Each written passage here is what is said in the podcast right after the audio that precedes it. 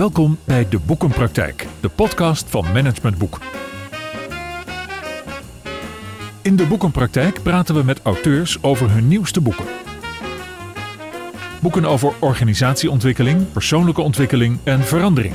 En altijd met een link naar de dagelijkse praktijk. Uw presentator is Willem van Leeuwen. Bestuurders en topmanagers gaan bepalende strategische keuzes uit de weg en vergeten ook bepalende knopen door te hakken. Ze passen op de winkel tot de harde werkelijkheid hen inhaalt.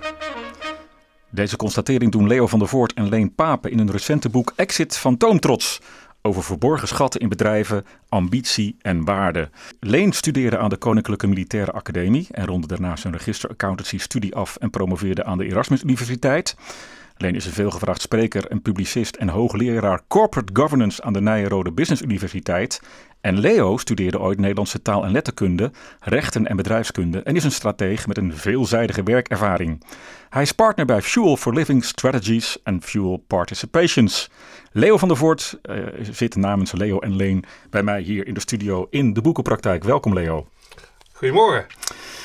Fantoomtrots, dat is een uh, bijzonder woord en voor mij een nieuw woord. Waar, staat die term voor? Uh, de term is afgeleid van fantoompijn. Uh, dat je pijn voelt aan iets wat er al niet meer is. En wij zijn vaak trots op bedrijven die er eigenlijk ook al niet meer zijn. Dus er worden steeds meer bedrijven, vooral door private equity partijen van de beurs geplukt. Ja. En dan is het land te klein en dan hebben we toch een, inmiddels een soort misplaatste trots op iets wat er was en niet meer is. Ja, ja, ja, ja. want vroeger was het beter toen die private equity partijen nog niet uh, over die uh, bedrijven regeerden. Is dat een beetje de achterliggende gedachte? Nou, vroeger was het niet per se beter, maar uh, we moeten het beter doen om die partijen niet alle ruimte te geven om mooie bedrijven van de beurs te plukken. En wie zijn we? Uh, ja, de bedrijven zelf, de, ja. de, de, adviseurs van die uh, bedrijven. Uh -huh. maar, maar, jullie richten je met name in het boek, is mijn idee toch wel op de, de bestuurders en de, de toezichthouders, commissarissen. Dus toch wel een beetje de strategische top. Ja, de, de raad van bestuur, de raad van commissarissen. Ja. En in het boek hebben wij het over strategische luiheid. En ja. daar betichten wij vele bedrijven van. Ja, want die trots, hè, die klinkt een beetje als misplaatst. Waarom is die trots misplaatst? Uh, in onze beleving omdat ze te weinig uit hun assets halen. Dus uh, ze moeten in principe veel beter functioneren dan ze doen. En wat zijn assets? Uh, de, de bezittingen die bedrijven hebben. Ja. Uh, mensen, machines, maar ook heel veel onzichtbare schatten, zoals wij het noemen. Dingen die niet op de balans staan, maar die wel een bedrijf vormen. Zoals? Human resources, ja. merken, ja. marketingconcepten, logistieke concepten. Dus allerlei dingen die niet op een balans staan, maar die wel van een cruciaal belang zijn om waarde te creëren. Ja, het gaat dus over het feit dat we onvoldoende uit ons potentieel halen als het gaat om waardecreatie. Absoluut. Daar komen ja. we zo even op terug, want je, je zegt nogal wat. J jullie constateren, samen met, met Leen doe je dat, nogal wat luiheid en zelfgenoegzaamheid bij bestuurders en, en commissarissen. Um, ja, toch blijven die mensen allemaal daar maar op die hoge functies zitten. Hoe komt dat dan? nou, waarschijnlijk vanwege het Old Boys Network. Is dat nog um, steeds zo, ja? Ja, dat is eigenlijk nog steeds net zo. Dat, laat ik zo zeggen, bestuurders en commissarissen worden uit een redelijk beperkte kring uh, geworven. -huh. En dat let op elkaar. Maar uh, in mijn beleving is het toch onmogelijk als je een uh, beursgenoteerd bedrijf bestuurt... Uh, dat je daar ook nog vier commissariaten naast kan doen. Ik heb zelf uh, als CFO in forse bedrijven gewerkt. En ik kan me niet voorstellen uh, dat je naast een drukke baan als CFO of CEO echt er nog twee, drie, vier commissariaten op na Dan doe je alles half. Hmm, ja. En dat is ook het idee dat we hebben, dat er toch ook wel heel veel half gebeurt. En omdat dat gebeurt, zetten we de poorten wagenwijd open voor de zogenaamde barbaren en springhalen. Ja pluk ons van de beurs. En dat gaan ze dan ook doen. Dat gebeurt ook. Ja, ja, ja toenemende ja. mate. Ja, um, want je, je zegt dat die commissarissen gewoon vier commissariaten uh, nemen in plaats van dat ze en dus half werk doen. Maar ook even, waar, waar, waarom zitten ze er zo, zo slaafs en zo volgzaam in? Is er dan angst voor verandering of, of durven ze niet echt dat potentieel aan te pakken? Wat is de onderliggende oorzaak hiervoor? Nou, eerst, ten eerste zelfgenoegzaamheid, wat je al noemde. Uh, ten tweede ook luiheid, strategisch. Er wordt hard gewerkt, daar hoeven we ons geen, nee. geen zorgen over te maken. Maar een soort strategische luiheid dat de lat niet hoog, hoog genoeg wordt gelegd. Hmm. En daar zouden vooral commissarissen de bestuurders echt veel zwaarder op moeten uitdagen. Eh, en dan worden we opeens verrast door iemand die het, eh, die het echt al snel anders doet, maar ook veel beter. Ja, Dus jullie, hebben, jullie hebben het ook over een one-tire board, hè? Ja. Wat is dat precies in dit opzicht? Nou, eh, wat wij vooral in, Angels, of in de, de Rijnlandse wereld kennen is een two-tier board, raad van bestuur en een raad van commissarissen die daar toezicht op houdt. Ja. En ons idee is om dat veel nadrukkelijker, dichter op elkaar te binden. Dat is wat Anglo-Saxischer. Mhm. Zo'n one-tier board, dat je ze wat, ehm, eh, wat strakker op elkaar bindt. Ja, ja. En dan is een van de belangrijkste ehm, punten van het boek, ook de reden om het boek te schrijven, dat wij eh, vinden dat de, wat nu de Raad van Bestuur is, de executives voor de uitvoering zijn en voor de PNL. Mhm. En PNL dat- staat dan voor Profit, and Loss. De ja. winst- en verliesrekening. Ja. En het, dus het nu. Ja. En dat de non-executives, wat nu de Raad van Commissaris heet, voor de balans en de strategie en de toekomst eh, zijn. Ja. Nou, dat is een eh, eh, steen in de vijver gebleken. Daar is inmiddels, het boek is vijf, zes weken uit, echt veel over te doen. ja? Positief dan wel negatief. Want vertel eens, wat voor reacties krijg je hierop? Nou, de meeste bestuurders die zeggen, ja, die commissarissen eh, die moeten van die strategie afblijven. Strategie is van ons. Ja. Nou, en ik heb als adviseur toch wel in heel veel bedrijven rond kunnen kijken. En ik zie dat alles half gebeurt. Dus die executives, die zijn voor de operations. Nou, daar, dat gaat vaak echt onvoldoende. En in mijn ogen is Axo Nobel daar een voorbeeld van. De concurrenten deden het op alle vlakken eh, beter. Als het gaat over productintroducties, de bezetting van de productielijn. Dus alles wat operations is. Mhm. En dan hebben ze ook nog een half was strategie, want dat doen ze ook half. ja. Dus je doet eigenlijk alles niet goed genoeg. Wa- Maar waarom eh, is dat dan onvoldoende kennis? Of wat, wat- Onvoldoende tijd. En als je dan Maar dus waar, gaat die tijd dan aan, waar wordt die tijd aan besteed dan? ja, aan, aan- aan alles half doen. Ja, Ehm, dus mijn idee is, je moet gewoon als executive... En dat- sommigen zouden dat ook fantastisch kunnen. Want Thierry Verlanken van Axo Nobel heeft heel goed geluisterd... naar wat de private equity over Axo te, te melden had. Die heeft dat fantastisch uitgevoerd. De koers van Axo is toen ook echt omhoog eh, gegaan. Nou, dat, dat vind ik echt... eh, dus je moet gefocust zijn op die executie... ja, en je uit laten dagen in die strategie door je commissarissen. ja. Alleen dat, eh, ik snap de commotie ook wel, omdat de meeste commissarissen, zoals het nu wordt vormgegeven, ook niet per se degene zullen zijn die die lat hoger gaan leggen. Nee. Dus het vergt ook een andere insteek van de Raad van Commissarissen. Dus echt een andere benoemingen van non-executives. Ja, dus het gaat niet alleen over een andere insteek, maar misschien ook over een ander type kwaliteit qua mens, Ja, bij ja, mensing. ja ik, ik heb ooit Manfred Kets de Vries, eh beroemd eh, eh, consultant en hoogleraar in, eh in, in Fontainebleau, ehm, horen zeggen dat het hem verbaast dat er niet altijd ook een psychiater of een psycholoog in de raad van commissarissen zit. Ja. Nou, dat, dat kan ik niet genoeg onderschrijven dat ik dat ook vind. Want er is vaak zulke dynamiek in die boardrooms. Ja.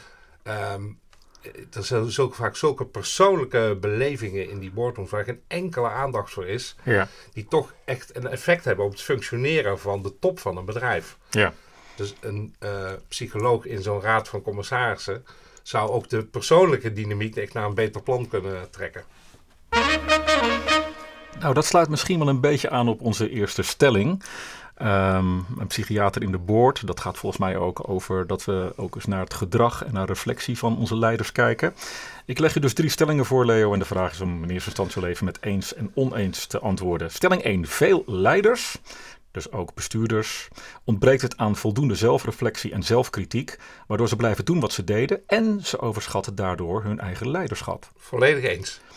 Dat verbaast me niet. Stelling 2. Tevens is het vertrouwen in deze leiders binnen veel organisaties laag. En is er ook nog de angst om deze leiders een kritische spiegel voor te houden op hun te beperkte leidersrol. Het eerste deel eh, over het vertrouwen ben ik het mee oneens. Ik denk dat er best veel vertrouwen is. Het andere was niet kritisch durven bevragen. Dat ben ik het mee eens. Oké.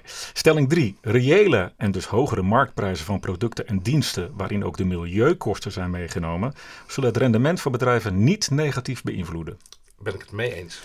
Eerst maar even naar die eerste stelling dus. Ehm, ook in het boek Exit Fantoomtrots besteden jullie veel aandacht aan leiderschap. Om de transities die vragen om voorstellingsvermogen, moed en realisatiekracht succesvol te laten zijn. Ehm, je zei het, uh, dat je het eens bent met het feit dat er uh, onvoldoende zelfreflectie en zelfkritiek is, waardoor dat eigen leiderschap wordt overschat. Laten we eerst maar eens even kijken. Welk type leiderschap is er nodig? Um, ambitieus leiderschap. Ik geloof dat, en we zitten hier bij Managementboek, duizenden boeken over leiderschap zijn geschreven. Die ik zeker niet allemaal tot mij heb genomen, maar uh, leiderschap dat uh, al niet ambitieus is, dat lijkt mij vaak tot mislukken gedoemd. Ja, maar jullie hebben het bijvoorbeeld over leiderschap met de, wat was het, de vier zetten. Hè? Uh, zingeving, zelfkennis, zelfmotivatie en zelfvertrouwen. kun je toch iets meer zeggen over wat dat dan typeert, wat daar dan anders aan is? Um, nou, er zijn naar mijn mening drie facetten heel erg belangrijk. Dat is voorstellingsvermogen, moed en realisatiekracht. Ja. En het voorstellingsvermogen, dat vinden wij eigenlijk al uh, aan de magere kant. Dat je ook echt een andere toekomst moet kunnen voorstellen. En DSM vinden wij een prachtig voorbeeld van een bedrijf dat ooit zich heeft voorgesteld. Wij kunnen niet in die bulkchemie blijven. Wij moeten ergens anders naartoe. Ja. En dat is via fijnchemie naar life sciences gegaan. Nou, dat is een voorstellingsvermogen dat vrij, dat vond in dit geval fantastisch, maar in het totale bedrijfsleven is dat vrij mager. Ja. Als je dat dan al hebt, moet je nog wel de moed hebben om op pad te gaan. Mm want het vergt nogal wat, bijvoorbeeld bij Philips, die dat ook vrij uh, goed gedaan hebben om uiteindelijk de lichtdivisie af te splitsen van Philips Medical Systems. Ja. En de bron waar Philips ooit uit ontstaan is, is echt afgesplitst en separaat naar de beurs gegaan. Ja, dus dat is de moed ook om zeg maar, je, ja, misschien wel in te grijpen in je core business. Eh, precies, om, ja. om te kunnen voorstellen dat dat echt anders aan het worden is en dan dat ook echt nog eens te gaan doen ook. Ja. En de realisatiekracht, dat is dan het sluitstuk van het geheel, dus dat je dat ook echt allemaal tot stand brengt. Ja. En waar, waar schort het dan aan? Als je, nou, Alle drie. Alle... dat, is wel, uh, ja. is wel verdrietig om te horen. Ja, ja ik word er ook wel regelmatig verdrietig uh, van. Ja. En er zijn veel bedrijven, uh, nou ja, nou vind ik zelf KPN een verdrietig bedrijf persoonlijk. Mm -hmm. die wordt ook constant belaagd door allerlei buitenstaanders om KPN van de, de barbaren. Te de barbaren. Ja. Ik begrijp die barbaren wel. Ik denk dat er zoveel potentieel in KPN zit, wat ze gewoon niet. Maar, maar, maar zullen we daar even op, op focussen dan? Want uh, het, het, ontbreekt KPN dus aan voorstellingsvermogen, moed en realisatiekracht. Uh, en jij zegt, terwijl het potentieel zie ik wel in dat bedrijf. Vertel eens, wat, wat zien die, die, die commissarissen en die bestuurders van KPN niet, wat Leo van der Voort wel ziet? Nou, uh, ik heb ooit nog eens het bedrijf Access for All verkocht aan KPN, voor heel lang geleden. En ehm, met eh, de, het merk uh, Access for All hadden ze echt veel meer kunnen doen. Uh, nu had KPN misschien wel het, het, wereldwijd de brand kunnen zijn die echt security management of access en identity management vormgeeft. Hm. Ik vind dat zelf een totaal gemiste kans. Ja. Terwijl de, de er zitten echt heel veel kundige mensen bij KPN, daar ligt het allemaal niet aan. Maar de, de weg in durven te slaan om, om met zo'n prachtig merk als Access for All. Ja. Dat hebben ze totaal na de bliksem uh, geholpen. Maar wat is dat dan? Want is dat, het gaat over moed, hè? dat snap ik wel. Uh, maar waarom ontbreekt het dan aan die moed? Wat is dat dan? Is dat dan dat ze niet een, een echt een, een, een totale verandering, een change willen realiseren? Ik, ik probeer even... Ja, echt uh, wat je zei, dat je niet in staat bent om de oude kern achter je te laten en je gaat te gaan omvormen naar iets onverwachts nieuws. Je bent bang dat je dan op je bek gaat of zo? Ja, en dat je daar dus ook echt verantwoording, uh, steeds meer moet je daar verantwoording over afleggen. Maar uh dat verlamt ook enorm. Ja, ja, ja, ja. Ik snap het. Um, die, stel, die tweede stelling, het vertrouwen in deze leiders is uh, laag. Um, daarvan zei dat ben ik het wel mee eens. Geen vertrouwen dus. Um, toch kunnen ze alsmaar maar doorgaan. Hoe, dat nee, Volgens mij was dat ik wel het idee heb dat heel veel mensen hun leiderschap vertrouwen. Ja. Uh, dat is wat anders dan dat ze uh, het van harte omarmen. Mm -hmm. maar ik denk dat de meeste medewerkers echt wel vertrouwen hebben in raden van bestuur. Uh, het is het niet zo dat dat vertrouwen ook gewoon komt omdat ze eigenlijk helemaal niet weten wat die mensen aan het doen zijn? Ik, ik, ik kom best wel als organisatieadviseur in organisaties waar als ik gewoon op de vloer of op meer tactisch en operationeel niveau vraag, wat is eigenlijk de strategie, de why, weten mensen niet. Nee, nee. Ehm, als ik vraag naar wat betekent het dan voor de what en de how, dus wat, wat betekent het dan voor jullie executiekracht, weten mensen niet. Dat, dat herken ik wel. Maar ik denk als je ze vraagt van eh, heb je wel het idee dat ze daar in de top van het bedrijf met de goede dingen bezig zijn. Of dat ze wel vertrouwen hebben dat, dat, dat er echt integer wordt uh, bestuurd. En dat ze toch het beste met het bedrijf voor hebben. Uh, en de, ik denk dat de meeste mensen op werkvloer ook niet heel erg bezig zijn met de strategie van de ondernemer. Die hebben gewoon echt een taak te vervullen. Ja. Um, en dat doen ze wel het liefst in een betekenisvolle omgeving. Maar daarvoor heb ik wel het idee dat ze het leiderschap, die betekenisvolle omgeving, toevertrouwen. Ja, ja. maar dat toevertrouwen dat uh, ontpopt zich misschien ook in het feit dat er te weinig kritische feedback terugkomt. Hè? Ja. Ik bedoel, ook als je naar, ja, misschien is het een beetje een rare vergelijking die ik maak, maar als je naar dictaturen, naar omgevallen dictaturen kijkt, kijk, dan zie je dat de macht wordt alleen maar gegund omdat het volk uh, de leider de macht gunt. Hè? Dus uh, als het volk in opstand komt en zegt, uh, aan jasjes gaat trekken en zegt, wat zijn jullie, waar zijn jullie eigenlijk mee bezig? Laten we het eens anders gaan doen. Dan, dan, nou, misschien vindt er dan ook wel een verandering bovenin de organisatie ja. plaats. Of ben ik dan te, te romantisch? Uh, ik zou dat van harte willen onderschrijven, maar het lijkt me inderdaad eh, heel romantisch, omdat er waarschijnlijk ook wel een soort zelf um, corrigerend mechanisme in zit. Dat je heel snel uh, kritische noties uit je directe omgeving weg mm -hmm. um, promoveert, zou ik bijna zeggen. Oké, okay. ja, ja. En als je dan ook nog niet een raad van commissaris hebt die je ook kritisch, echt kritisch bevraagt, uh, dan krijg je dus niet van onderaf en niet van bovenaf uh, de uitdaging om te reflecteren over A, wat je aan het doen bent en B, of het nog wel juist is wat je aan het uh, ja, doen bent. Ja. Je had het al even over chemieconcern DSM, hè? Een, een, best practice hierin. Je had het ook over KPN als een worst practice misschien. ja. Jullie, jullie, hebben heel veel casuïstiek in jullie boek, wat jullie volledig uitwerken, ook vanuit het perspectief van beurs, beurswaarde en beursnotering. Kun je nog eens een voorbeeld noemen waarvan je zegt van nou, dit is ook een voorbeeld waarin nou, het, het anders zou moeten als het gaat om executiekracht? Um, waar, uh, waar het heel goed gaat is ook bijvoorbeeld Auping. Uh, dat, dat, dat, is ook een prachtig voorbeeld van meervoudige waardecreatie. Die, beddenmerken, ja. Ja, dat beddenmerk die ja. uh, echt voor mens en milieu circulair denken. Ja. waar dat bijvoorbeeld veel minder gaat is het detacheringsbureau DPA. Maar laten we even naar Auping gaan, dan komen we zo even op DPA. Wat doet Auping goed?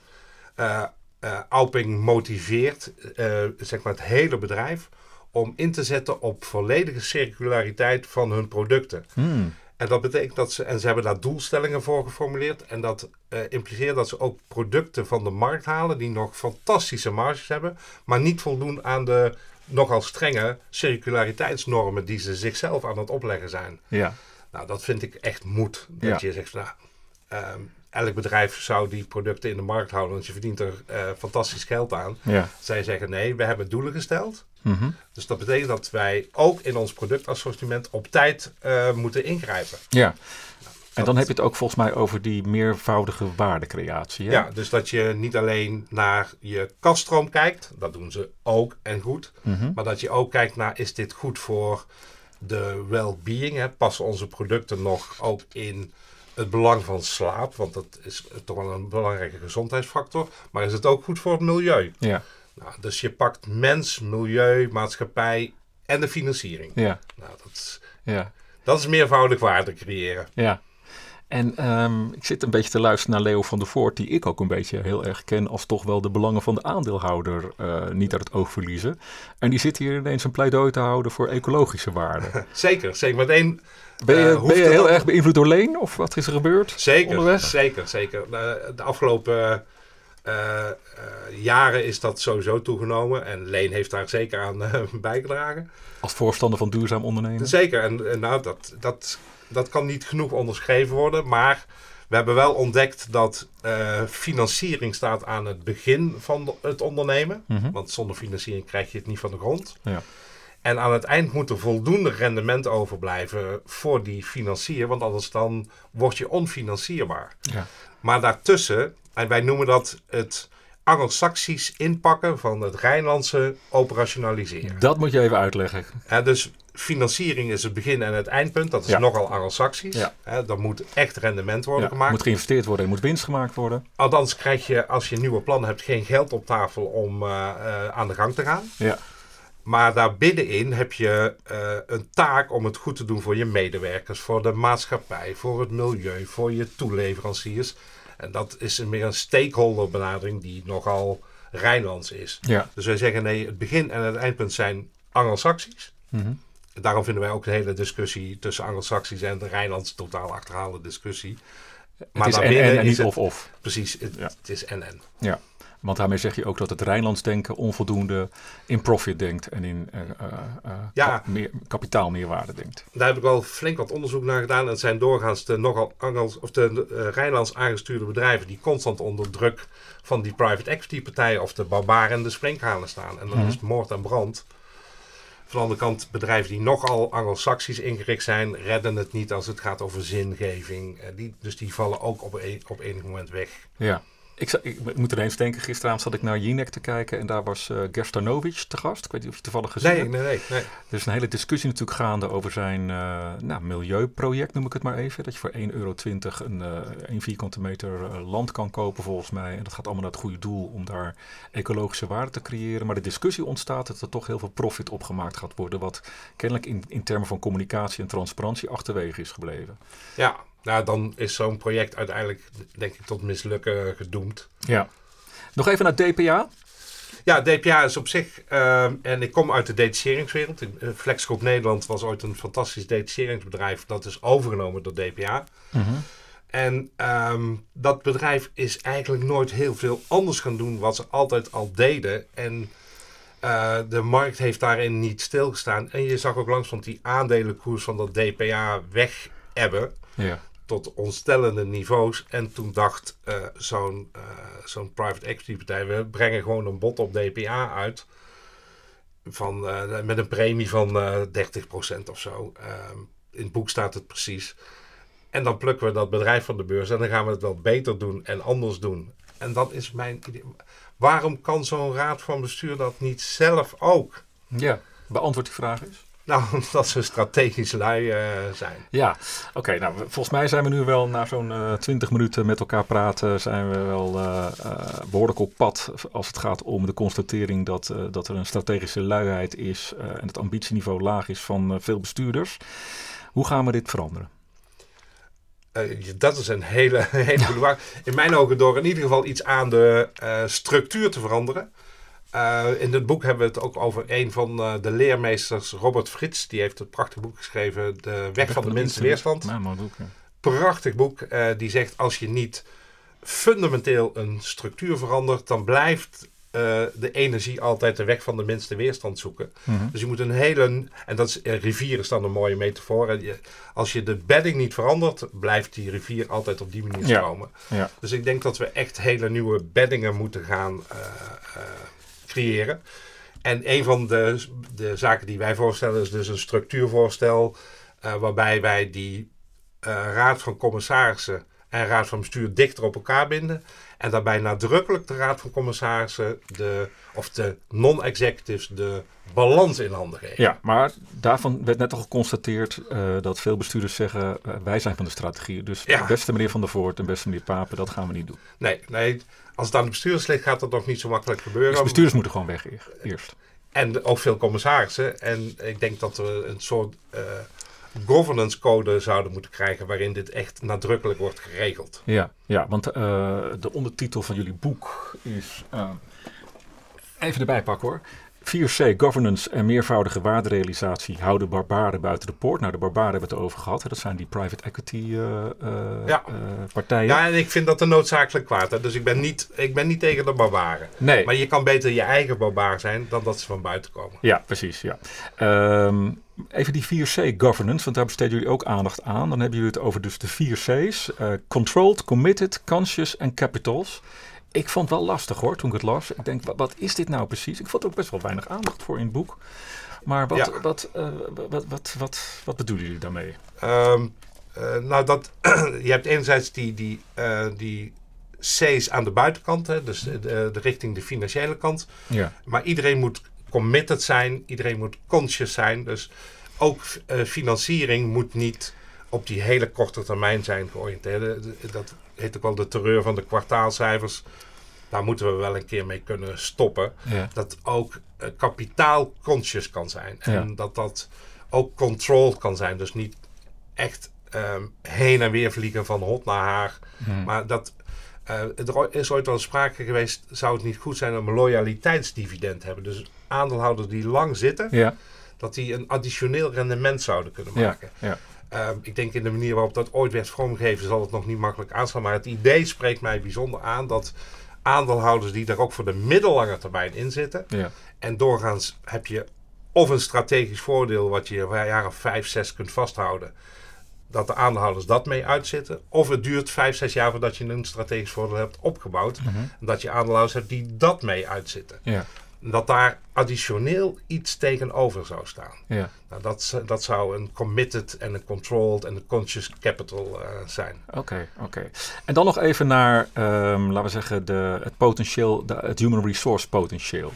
Ehm, volgens mij eh, hebben jullie ook wel een pleidooi in jullie boek om meer nog eh, autonomie te geven aan de professional en om, om, om, om, ze veel, om de talenten in onze organisatie veel meer eigenaarschap te geven. Klopt dat? Ja, ja daar waar dat mogelijk is. Ehm, maar het punt is, in het boek wat we proberen te maken, is dat al het eh, human resources zijn een kostenpost in de winst- en verliesrekening. Ja. Terwijl in onze beleving, en daarmee verdwijnt het als elk jaar via de winst- en verliesrekening uit je zicht. Ons idee is, er zijn een heleboel ehm, human resource aspecten. Kennis, kunde, opleiding, ervaring. ehm, en zo is er- is er echt veel meer te noemen. Aan de positieve kant, aan de negatieve, negatieve kant, burn-out, ziekteverzuim. Er zou een soort balans, een human resource balans gecreëerd kunnen worden. Dus echt een balans. Ja. Eh, waar je ook verantwoording over af zou moeten leggen. En dat is dus geen winst- en verlies item, maar is een balans item. En Ja. dat, daarmee komt het, wat ons betreft, ook veel meer in handen van de raad van commissarissen, de non-executives. En zou je er ook veel meer rekenschap, rekenschap van moeten geven. Wat hebben we eigenlijk beschikbaar? Ja. En dan wordt human resource geen kostenpost, maar een asset. Ja. Een bezitting. Ja. Ja. Mooi. Ja. En daar moet je dus meer mee doen. Ja, ja, ik snap het. Ja. Ik had in de vorige podcastaflevering Martijn Aslander te gast. En die zei, eh, we focussen ons te veel in organisaties op financieel kapitaal. En we zouden ons meer moeten focussen op sociaal kapitaal. Dat is eigenlijk een beetje dit stuk als het gaat om human resources. Maar hij zei, waar we ook helemaal niet goed doen is ons informatiekapitaal. Oftewel, de kenniswerkers werken nog heel erg volgens de patronen uit de jaren 70. We gebruiken de computer nog steeds als een typemachine. Ja, Ja. ja. Ja. Daar is hij daar meer specialist in dan Ja, ik, maar ik herken dat wel.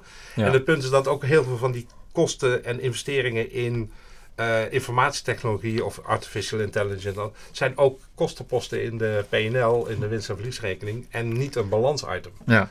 En eh, het idee is dus niet alleen human resources, maar ook eh, merken en investeringen in, in informatietechnologie. Als je dat dus op de balans weet te activeren, Ja. dan moet je er ook echt rekenschap over afgeven. Ja, oké. dus het is eigenlijk een pushfactor om er meer rekenschap over af te geven. Ja. Want dat maakt, ja, toch weer even terug misschien naar die luiheid, maar wat maakt toch in deze snel veranderende, veranderende wereld dat we op, op dit strategische niveau onvoldoende rekenschap hebben van bijvoorbeeld iets als artificial intelligence? Hoe kan dat? Dat is een hele interessante... J- jij eh, kent die bestuurders. Wat zijn dat dan voor mensen? Zijn dat allemaal dinosaurussen? Nee, ehm, nee, strategisch lui. Je moet je er ook echt in durven verdiepen. Ja. Ehm, Het zijn toch niet allemaal angsthazen? ja, ik denk toch... Nou, angsthazen is een, een hele nare typering Sorry. die, die mij best aanspreekt. Ja. Maar eh, nee, als je je bijvoorbeeld nu nog als bedrijf eh, eh, gaat afvragen... moeten wij niet iets met data? Dan ben je echt tien jaar te laat. Ja. En wij zijn vaak tien jaar te laat. En dan word je links en rechts ingehaald door bedrijven die dat al veel beter doen. Maar even, is het niet zo dat ondertussen draaien we allemaal gewoon lekker door? Is er gewoon niet een, eh, te weinig urgentie op elk niveau? Ja, ja nou, dat vind ik een echt mooi woord, de urgentie. Die wordt eh, onvoldoende gecreëerd, Door? doordat het ambitieniveau heel veel lager is. Ja, ja, ja. En dan ontstaat ook dat gevoel van urgentie nauwelijks. Eh, en daar hoeft er ook niet op te worden geacteerd. Nee. Dus urgentie vind ik echt een. is- Ik ben blij dat je dat vind ik echt een belangrijk woord. Ja, ja, ja. Oké, en je constateert met mij dat, dat, meer, uh, dat er meer urgentie zou mogen zijn. Ja, veel meer. Ja. Veel meer. Um, stel nou, hè, want een andere casus die jullie behandelen, die spreekt mij heel erg aan en jou wat minder als Feyenoorder, is Ajax. ja, zeker. Hè? De, de, laten we zeggen de geschiedenis, de recente geschiedenis van de beursnotering van Ajax. Stel nou dat je vanaf 1 mei CFO wordt van Ajax, Leo. En dan maken we Leen ook even CEO misschien van Ajax. Wat gaan jullie concreet doen om deze organisatie meer beurswaardig dan te maken? Uh, nou ja, uh, de, de, uh, een beurskoers is als het ware de netto contante waarde van de dividenden. Mm -hmm. voor Ajax is dat, wordt dat steeds lastiger, want ze hebben een hele dure huishouding. Ja. Uh, ze hebben de Champions League inkomsten nodig om überhaupt die dure huishouding te kunnen draaien. Dus aan kaststroom is dat lastig. Ja. Uh, dus, en dat schrijven wij ook in de casus. Uh, overigens met alle waardering voor Ajax als zodanig. Mm -hmm.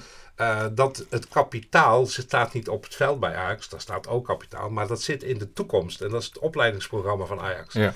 Dus je moet opleiden, opleiden, opleiden om uh, spelers goed te kunnen verkopen. Ja. En op het moment dat dat gaat stokken, en dat zie je een klein beetje gebeuren, zie je dat onmiddellijk terug in de beurskoers van ja. Ajax. Ja. Dus ik denk dat, uh, als ik vrij uit mag denken, dat ik twee dingen zou doen. Graag. Veel meer investeren in die opleidingskant. Mm -hmm. Maar ik zou ook eens na gaan denken, wat zou je nou nog met uh, zeg maar het merk Ajax marketing kunnen doen? Ja. Uh, misschien, uh, je hebt nu allerlei goksites, maar je had van Ajax misschien wel een soort online, hè, dus als een, als een aparte tak naast de voetbaltak. Ja. Uh, misschien wel een hele interessante interactieve uh, gaming community kunnen maken. En ik denk dat er nog wel. Dus je moet het concept Ajax veel breder dan gaan etaleren. Ja. Dan alleen maar een voetbalbrand. Ja. Daar was volgens mij echt een wereld uh, te winnen. Die misschien met Feyenoord ook gekund zou hebben. Met PSV. Maar dan houdt het al heel snel op ja. in Nederland.